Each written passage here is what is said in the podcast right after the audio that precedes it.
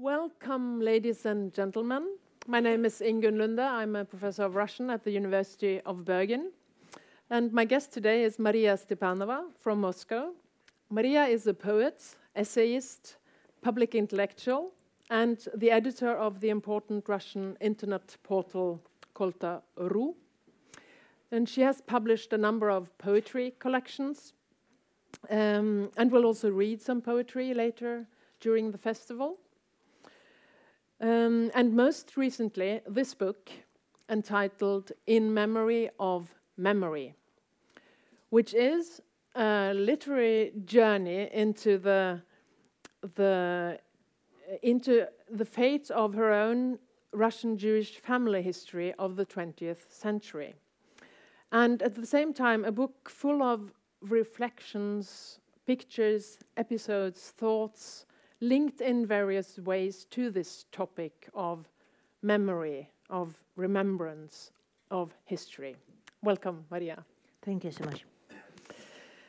In your book, you describe several beginnings, as it were, that is, points in life where you sat down and began to think and write and or make notes uh, for this for this book.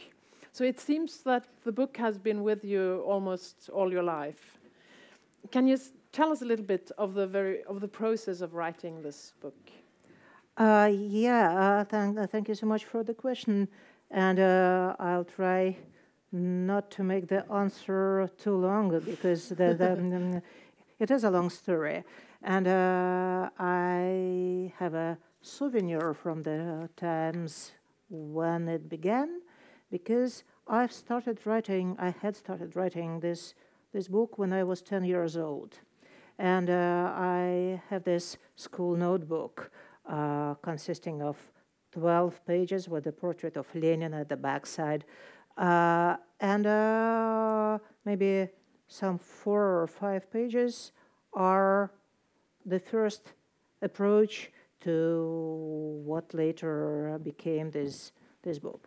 But it was much easier to be writing it uh, as a as a kid because uh, what I was facing while growing, growing up, and growing old, and uh, uh, trying to look at my family story from the different angles, was the the, the sheer impossibility of telling this story, at least uh, of doing it in a normal well, linear, straightforward way. Because, well, there, there was a number of obstacles, and uh, one of one of uh, quite a few uh, was uh, the fact that while the time went by, the number of things I used to to, to take for, for granted to, to, to, to, consider them to be, well, facts.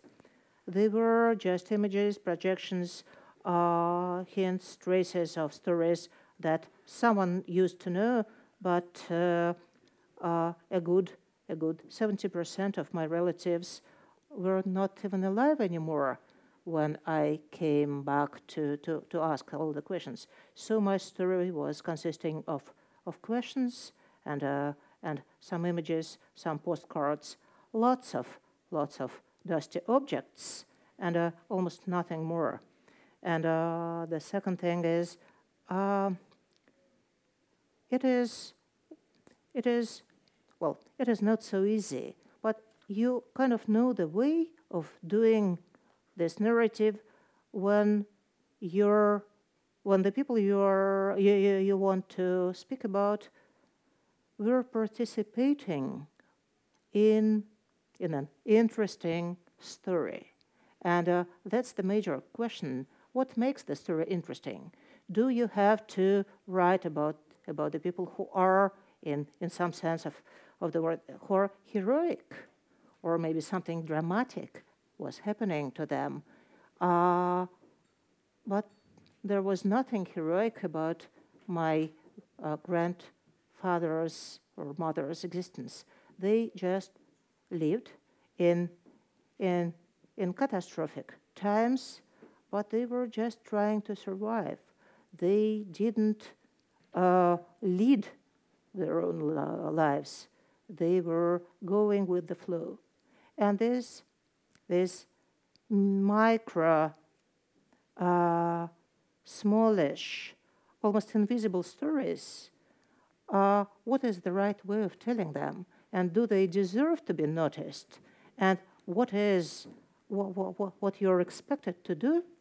How can you make an uninteresting story become interesting? And uh, how do you describe that, that, that, concept of being interesting? So yeah, that, that, that's how it all began. Yeah, and you, uh, you call them not the protagonists of history, mm -hmm. you call them the lodgers of history. Mm -hmm. So mm-hmm. you say that um, um, they spent considerable energy on remaining invisible or to survive, as you just said, on staying clear of world history with its grand survival narratives and error tolerance of, of several million human lives, uh, in a rough translation. Um, so, why is it so important to focus on the lodgers of history? Because, because sometimes it seems that no one else is ready to pay attention because, well, uh, throughout my childhood in the Soviet Union, we were following a certain grand narrative. Uh, that was uh, that, was very that was totally dominating the public discourse, and uh, the only thing that could resist it was the minor flow of smallish stories kept in the families. And uh, that was maybe an only alternative to, to, the, to, to, the major way of regarding history or human lives that was imposed on us. And uh, so I was always fascinated with smaller things mm. and uh, with, a, with an idea of being fair towards things that too often go unnoticed. Uh, a certain way of being fair, not only to, to people, but maybe to, well, to, to every living and maybe unliving being, starting with people and moving on to animals, to objects, uh, as if they were united by the same time flow, at least. Hmm. So, this is uh, not only a book about the past, it is also about the very process of establishing a relationship to this, to this past. And you describe this so beautifully, and sometimes in the outcome is very unexpected.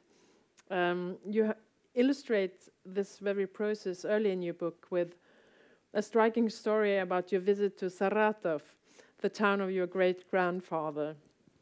Uh, mm -hmm. You know what I mean. Uh, could yes. you share this story with you with us here? Uh, I'll try to. Uh, well, uh, the thing is, uh, when I decided that finally it, it is time for me to write this the, the, this book, I had a feeling that I would be unable to do that until I'll travel across all across Russia and uh, to, to, to, to, some places in Europe where my, my, my, my, ancestors used to live. Uh, I don't really know why it was so important because the only thing uh, I was encountering every single time was my complete inability to to feel something. I was pushing myself into feeling something, into standing at this precise spot the, uh, where something used to happen, hoping for an answer. And uh, it never, or almost never happened. But that was the place and uh, the spot where I felt uh, related to my own story it was in Saratov, that's a huge, beautiful, uh, decaying uh, city uh, uh, at the mm, beaches of, Volga River. And uh, I knew for sure that in the beginning of uh, 20th century, my uh, grand grandfather used to live there.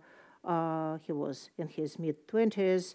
Uh, he was uh, he was young. He was in love, and I even knew from from a friend of mine the address, the, the the exact place where he used to live.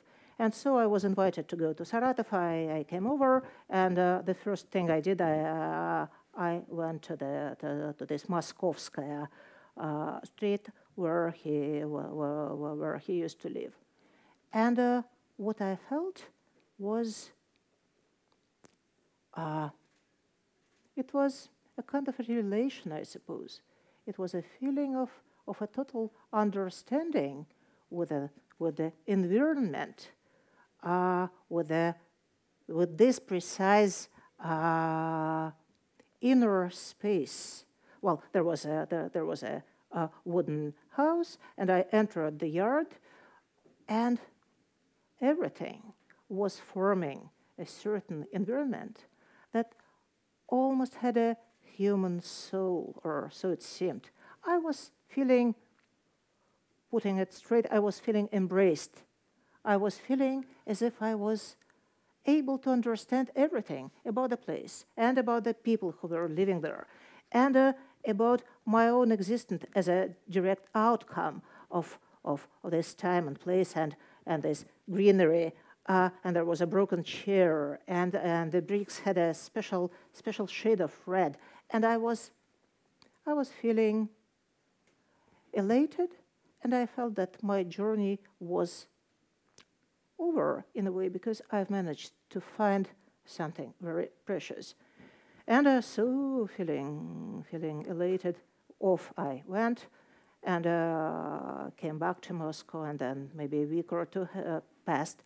And uh, then my friend from Saratov called me up, and uh, by the tone of his voice, I felt that something is something might be wrong. And uh, he was like, mm, "Well, Masha, mm, you know, I'm so sorry. Uh, I gave you a wrong address. yeah. Uh, the, the, uh, it's the, the, the, the, that same street, but, uh, but the, the, the number of houses, mm, well, mm, yeah. And no, no, no, not 25, but 15, something like that. Uh, but I'm so sorry. Mm. And uh, mm, here comes the question Does, does the fact that it was a different house, does it, does it destroy somehow that, that mesmerizing thing that happened to me there? Uh, and uh, what is this feeling of precision? Mm. This, this uh, sure awareness of, of having found something. How does it work? Because the experience was quite real. Exactly. Yes but the, the, but the dress was wrong. The dress was wrong, unfortunately. and that is also, well, the, it is an experience and it, it is also an insight, I think, and it is a kind of recurrent motif, the, the expectation of finding a relationship and uh, feeling this closeness, and then your mm story often takes a turn and you speak about someone else or something else or another thing that evokes other mm -hmm thoughts and other memories. And uh, in the end, we understand that all these um, empty spots are as important for the story as the facts and the continuous narrative, I believe. Yeah, that's what I feel. That our story is uh, consists mainly of the white spots, of blank spaces, of this lacy fabric. Only a person can, can unite by an effort mm. of hers. And uh, that's, that, that is my answer, and that um, maybe the only answer I could get from, from the experience. You are, one is never able to recover things. One is never able to reconstruct things, to move closer to the past, to get it back into your own, well, into your own uh, realm. you cannot you cannot go back, but you can move on, and uh, that feeling of of of of a movement is something that the, that is able to unite all the things that are seeming to be important for your own story, mm. uh, with a number of hidden and uh, and explicit rhymes as Marina Tsvetaeva was saying, uh, you, remember the quote, everything rhymes. And uh, that is something I, I, I deeply believe in. Um, your book moves beautifully between, on the one hand, concrete descriptions of mm -hmm. episodes and things and of the significance of these things for our life and for the past, for our remembering. And on the other, uh, more reflective passages on literary, philosophical, aesthetic topics, which also shed life, light on the same, um, but from a range of different perspectives. And since you also mentioned Tsvetaeva, I should like to recall one such passage about different perceptions of the past um, by two brilliant Russian poets of the early 20th century, Osip Mandelstam and Marina Tsvetaeva. And you, you tell the, the moving story about these two poets, um, both with an extremely harsh fate, and how they, they disagreed profoundly um, about Mandelstam's mm -hmm. book, memory book, um, The Noise of Time, Shum Vremeni, which appeared in 1925 and describes the turbulent time of revolutionary Russia. Obviously, they agree, they disagree about the past as such, but also about the way of addressing the past, how we should treat the past. Mandelstam says in a much quoted passage of the book that he does not remember in order to preserve the past, but in order to remove it. His attitude is not kind, as it were, it's hostile. Flavors, sounds, pictures, and perceptions of the past are condensed in his text and presented as a kind of abstract formula. Tsvetaeva was, was outraged and called the book a nature morte, without heart and blood. And you uh, interpret Mandelstam's attitude as the young writer's way of embracing future. Future can only begin when the past is swept away, he seems to say. Tsvetaeva, in turn, reads this as a gesture of pleasing those in power. Obviously, we have to do not only with different perceptions of the past, but also of the future and of the relationship between these dimensions. How should we understand Mandelstam's attitude to the past? What, what does it move, move, what does it mean to remove the past in order to embrace the future? Is this just the idea of revolution? So is Tsvetaeva right? Or can we also experience this in our own lives? Um, future can only begin when the past is mm, done with. Done with, in mm -hmm. a mm-hmm. sense, yes. I suppose so, at least in a way, because, uh, well, um, what Mandelstam is doing, he is not exactly removing the past. He is not supposing to wipe it away. No, he is building a monument to the past in his own way. Uh, but uh, necessity of, of the project is uh, a way of alienating the past. That's what Tsvetaeva means when she is talking about nature morte. Mm. Uh, you have to, to transform the past that is still alive into an object. So it would be standing still, presumably forever.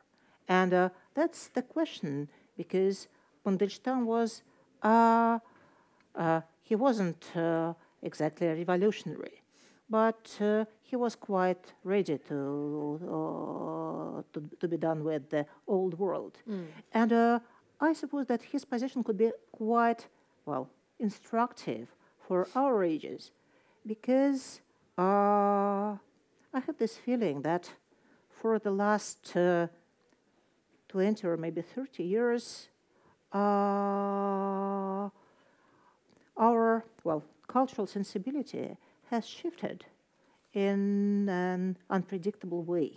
The past is taking more and more important, more and more significant place in our everyday lives, and uh, it is transforming into something completely different from what it used to be. A new religion, maybe, or into a fetish of sorts, and uh, definitely into an obsession. And when we are try, uh, trying to trace the, the evolvement uh, of the right political movements all across Europe, we can notice that each one of them, from Hungary to Poland, from Russia to, to, to, to, to Germany and AfD, each of them is referring to a certain totally fictional version of the past as a glorious example we have to follow. And uh, that is that sounds threatening. And uh, as it seems to me, for now we have no cure from this newborn obsession with the past. And uh, one should find some way, well, of seeing it clearly, I suppose, and uh, and and then we we'll, we'll, we'll have to find out what to do next. But something has to be done, I guess. That's a very interesting context of the, of your book that you are touching upon upon now. That we include the uh, the audience also um, the the broader context of of Russian cultural politics and and history politics, memory culture, which is felt as uh, as you say as as quite strong all of the in all society, but but also um, in top down politics. Uh, so particularly, I believe in the last decade, the Russian government has engaged actively in cultural politics, and in, in particular in memory politics, with an underlying goal of legitimizing contemporary power structures. So, in other words, the past has become a powerful resource, a symbolic resource for the government. And uh, it says very much about, uh, it says more perhaps about present than about the past because historical references may become a way of legitimizing the present regime and its values, for instance, the idea of a strong state or historical continuity uh, or a centralized leadership. And it, uh, against this background, your book is so very different, uh, of course, because you show what history means for the individual human being in his or her present life. And history is not so much the great historical figures uh, or events, but the everyday objects that are preserved by being named, by being written down, by being recalled by someone spoken about. Um, could you elaborate a little bit on this magic of the everyday um, remembrance of everyday objects against the background of this more rhetorical use of the past mm -hmm. that mm-hmm. we see in present day Russian society, also in the in the context of the of the festival theme of of the everyday object. Mm -hmm. uh, I'll try to, but um, uh, I guess I'll start with a with a bigger mm. context uh, because it is related to, to, to your previous question and things we've been discussing.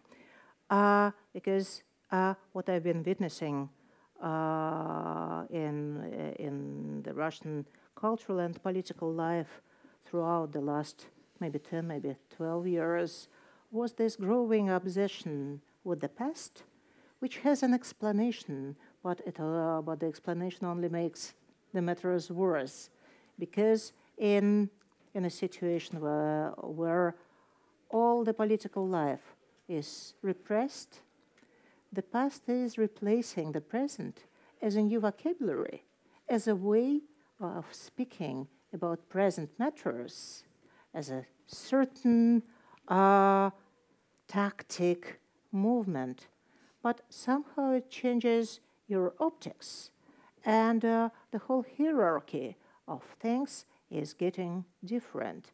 For instance, um, it was maybe a couple of years ago, and uh, I've been living abroad for a while, and I was trying to follow the, the, the, the, the discussion uh, in the Russian newspapers and social networks, and there was plenty of things to talk about.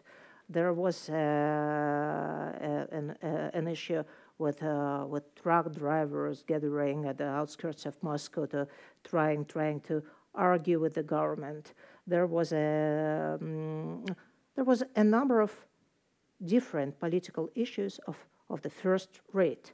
But what was really discussed, not only in the official media uh, representing the state's point of view, but also in the, in the social media, all over Facebook and Twitter and whatever else, was the figure of Ivan the Terrible, the late Russian Tsar ruling in 16th century.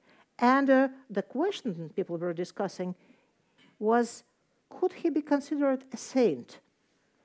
And uh, that was the main topic of discussion, uh, engaging people uh, for, for, for some two or three weeks.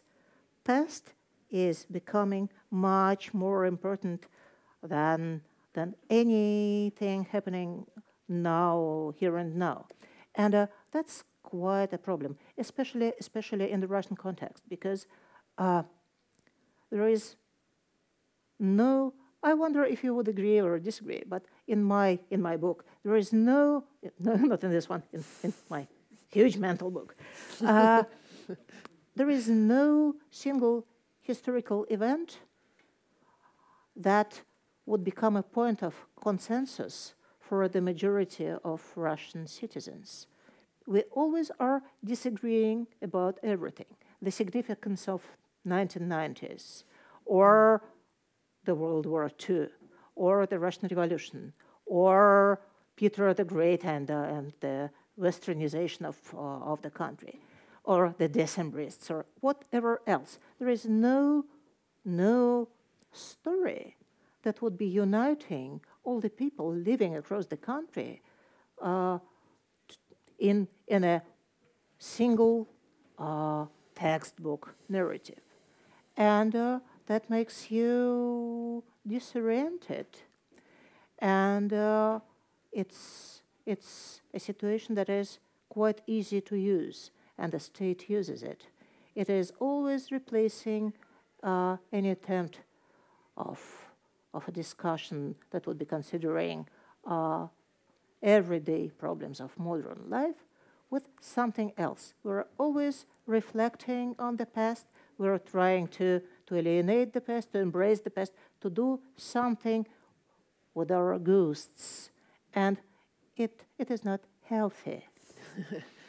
but doesn't the state want this uh, unified understanding of history?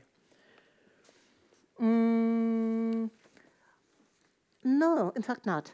Uh, because uh, the way the state is treating history is uh, as if it was a never ending parade of victories. Mm -hmm, mm -hmm. And uh, it, doesn't, it doesn't ring true. It is at least one particular interpretation of, oh, yes. Of history. Uh, yes. Uh, it, it, it, it, it, it, doesn't really work. the, the, the, problem, the problem of this uh, uh, of this state uh, here and now is it is maybe a problem of stylistics. Mm. They are unable to tell a story that would be, well, even seductive, not oh, no, no, no, no, no, no, no, no, not mm. true. And um, what we're having is a patchwork of different versions, of different interpretations, and there is no consistent story that that that, uh, that the state would be able to share, and uh, that's a problem. Mm. We have two different patchworks, uh, patchwork created by the state, and a bigger, uh, multi-voiced, multifaceted thing that that the the uh, Russian literature or maybe or, or, or, Russian cultural spaces emanating, but the two pictures they don't fit each other, mm. And uh, that's uh, that is quite problematic because that kind of a dialogue uh, can can be lasting for years and decades without ending, and no one seems to be involved in, uh, in discussing uh, the present times or the future. Mm. Yeah, that is certainly true. So, do you see any counter movements to this predominating uh, narrative about history or about the past? Yes, and um, uh, I, am I'm really hoping that uh, this uh, narrative would be contradicted by different artwork created by the people of, of the younger generation, uh, people who are in their 20s. Uh, because all the most interesting stories, all the most interesting approaches to the, to, to the subject of the past as well. But for them, past is uh, forming the future, and uh, or, or, future comes back reforming the past. Uh, they are able to to read in different messages. They are, and uh, what is maybe more important, they have bigger context. After a couple of decades of uh, reading mm. world literature, uh, I suppose one one concept might be put uh, under further examination. And uh, that's one of the most important concepts Russian uh, literature of the last two, three decades were, were built, was built on. The concept of a certain unique experience we have. And the idea that this experience is so, so precious that it is uncomparable. We are unlike anyone else. Russia has a special way, особый путь, uh, that is impossible to grasp to comprehend from outside, but will kindly uh, let you know what we mean if you'll be attentive enough.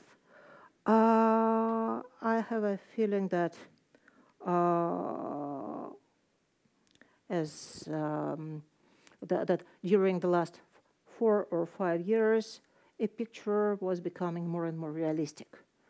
And it means no story, uh, no Russian story, no Norwegian story, no, no story ever could be, could be told without putting it into a bigger frame into a framework of what was happening all across Europe and all across the wider world. Everything is connected, everything rhymes. And uh, seeing this bigger picture for me is one of the most important thing, the most necessary thing, things uh, the, um, that might happen to the Russian literature. And uh, I guess I see the first signs. So it is within literature that you see these new tendencies or these young young people that you talked about um, that bring in an alternative uh, way of looking at the past? Mm, not only no, no, not only mm. in literature. Maybe uh, they are most visible in uh, in, uh, in, in the political life, but in an unexpected fashion, because when you are following the the, the uh, Russian politics uh, on TV, on uh, in the in the newspapers, what you're mainly able to see is this uh, well grand masculine figures of Khodorkovsky, Navalny, whatever. Uh, the uh, politics who belong to the old school of political thinking.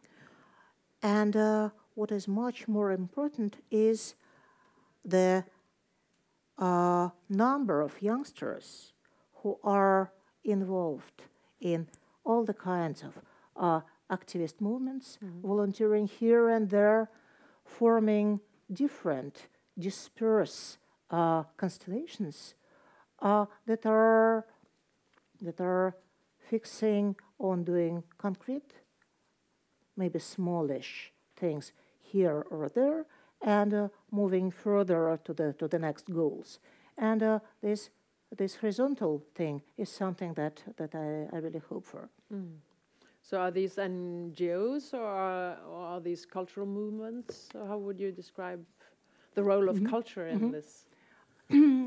the interesting thing is they don't need to to to be uh, they are not disattached to the labels mm. uh, they may participate in a number of different ngos and uh, work in this or that uh, small theater somewhere at the outskirts of mm. moscow mm. or yekaterinburg and uh, they might be also involved in a number of ecological movements all simultaneously. So they are not devoting their lives to this concrete movement or NGO. Mm.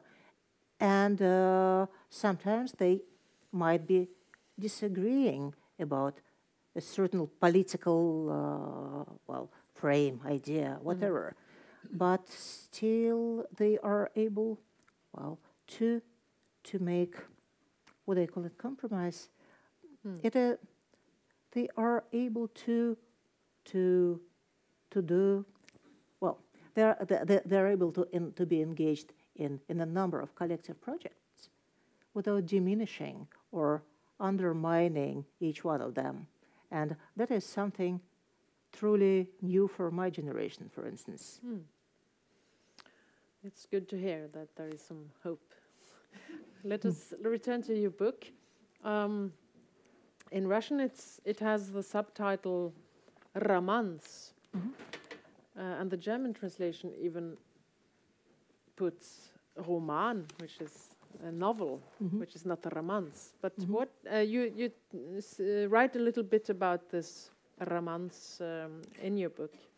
Um, but how would you characterize the, the very genre of mm-hmm. of your book?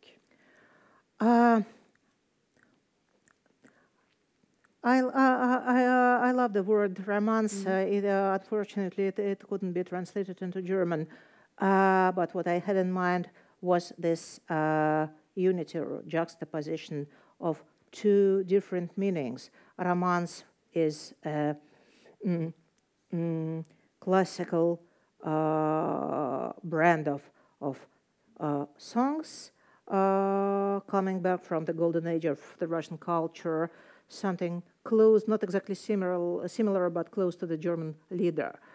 And uh, my book is dealing with, uh, with music uh, in many chapters. And uh, romance, the, the, the, these songs are usually dealing with impossibility of doing something, the impossibility mm. of any happy ending. Uh, and uh, the other meaning is, uh, is a certain genre of a mass fiction, uh, romance, like a love story.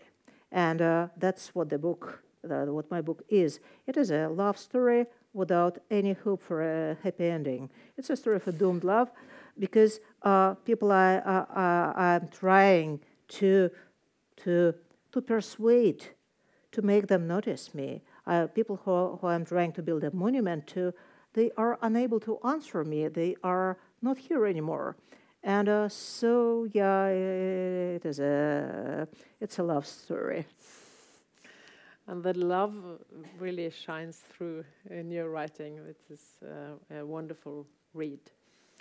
Uh, I think we have a few minutes. We might open for a question or two if there are. Any questions? Yes, please. We have a microphone here so that everyone will be here in one second. Yes.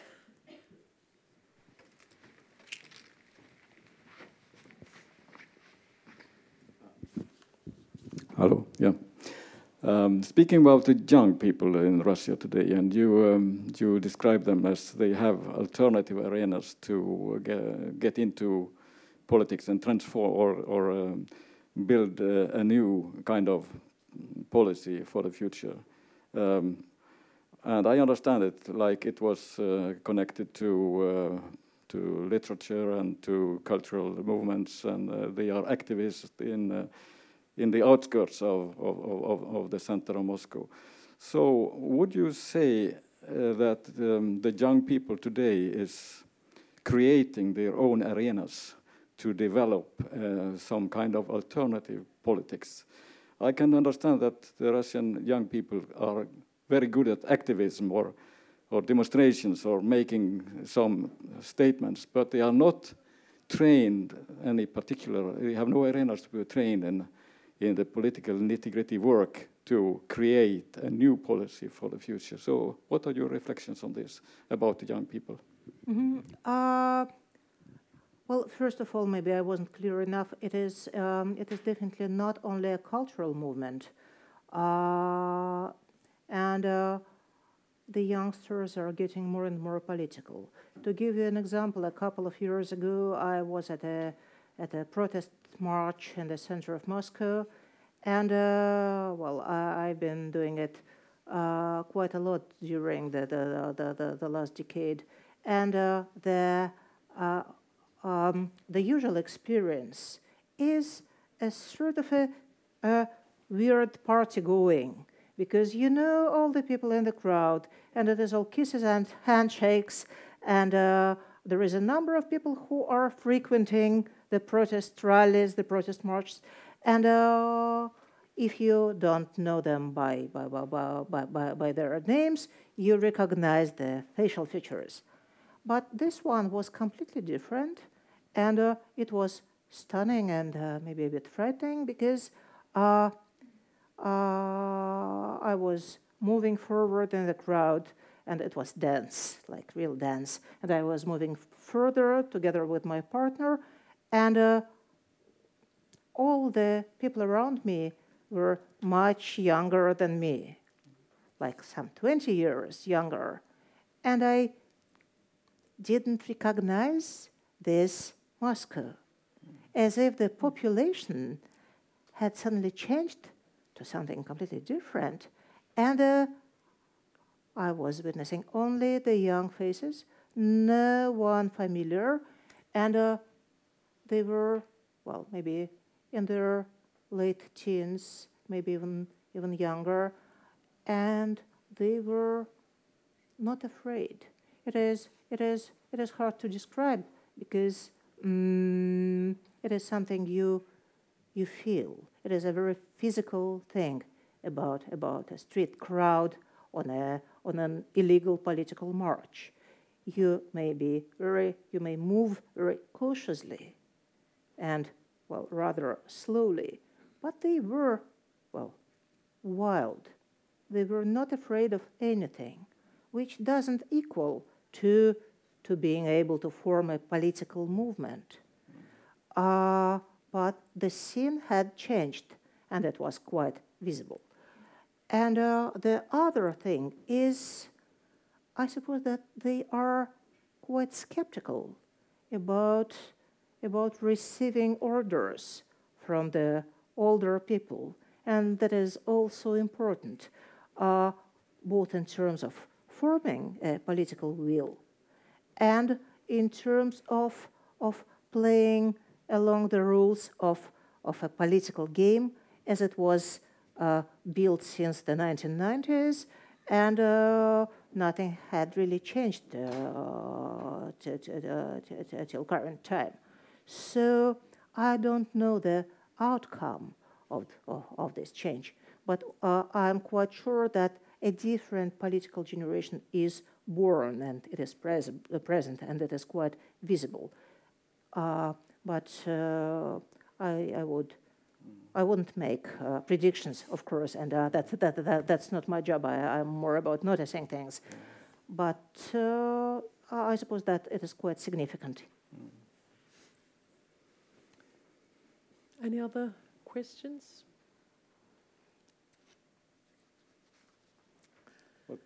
if I can have a uh, follow up okay, on this short one. Follow-up. Uh, if they are becoming, the young people are becoming too visible, they are immediately silenced by the authorities.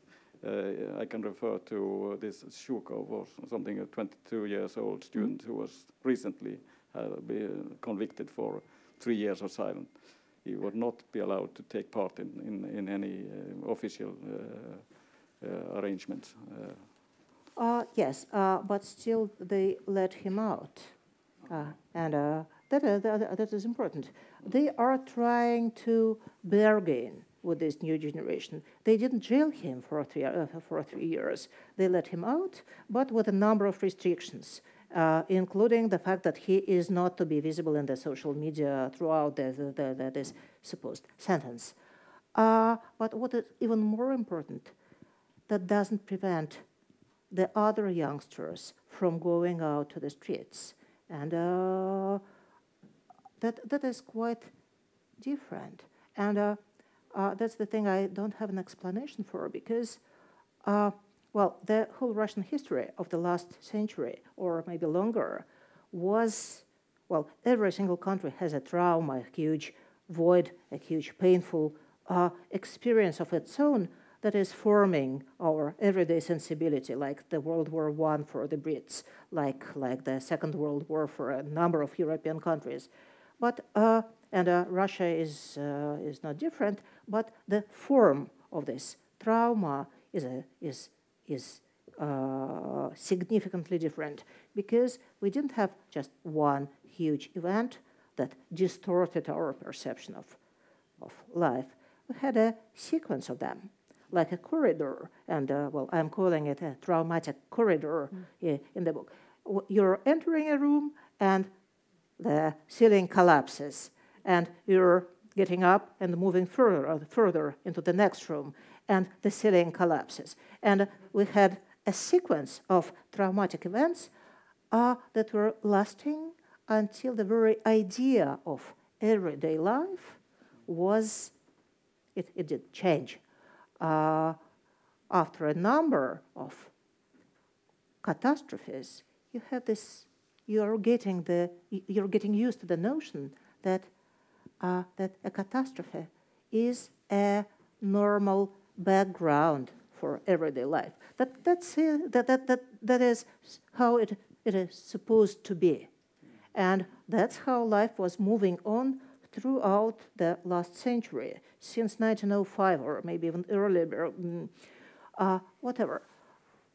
And uh, what is so different with these young people is they don't seem to me to be affected by this sequence. They behave as, as if they were more free, more well, light, more more normal as uh, people of uh, generation that I do belong to, and uh, that's uh, that's a huge change. On this note, I uh, think we must conclude. Thank you all for coming. Thank you very Thank much, you so much, Maria. Thank you.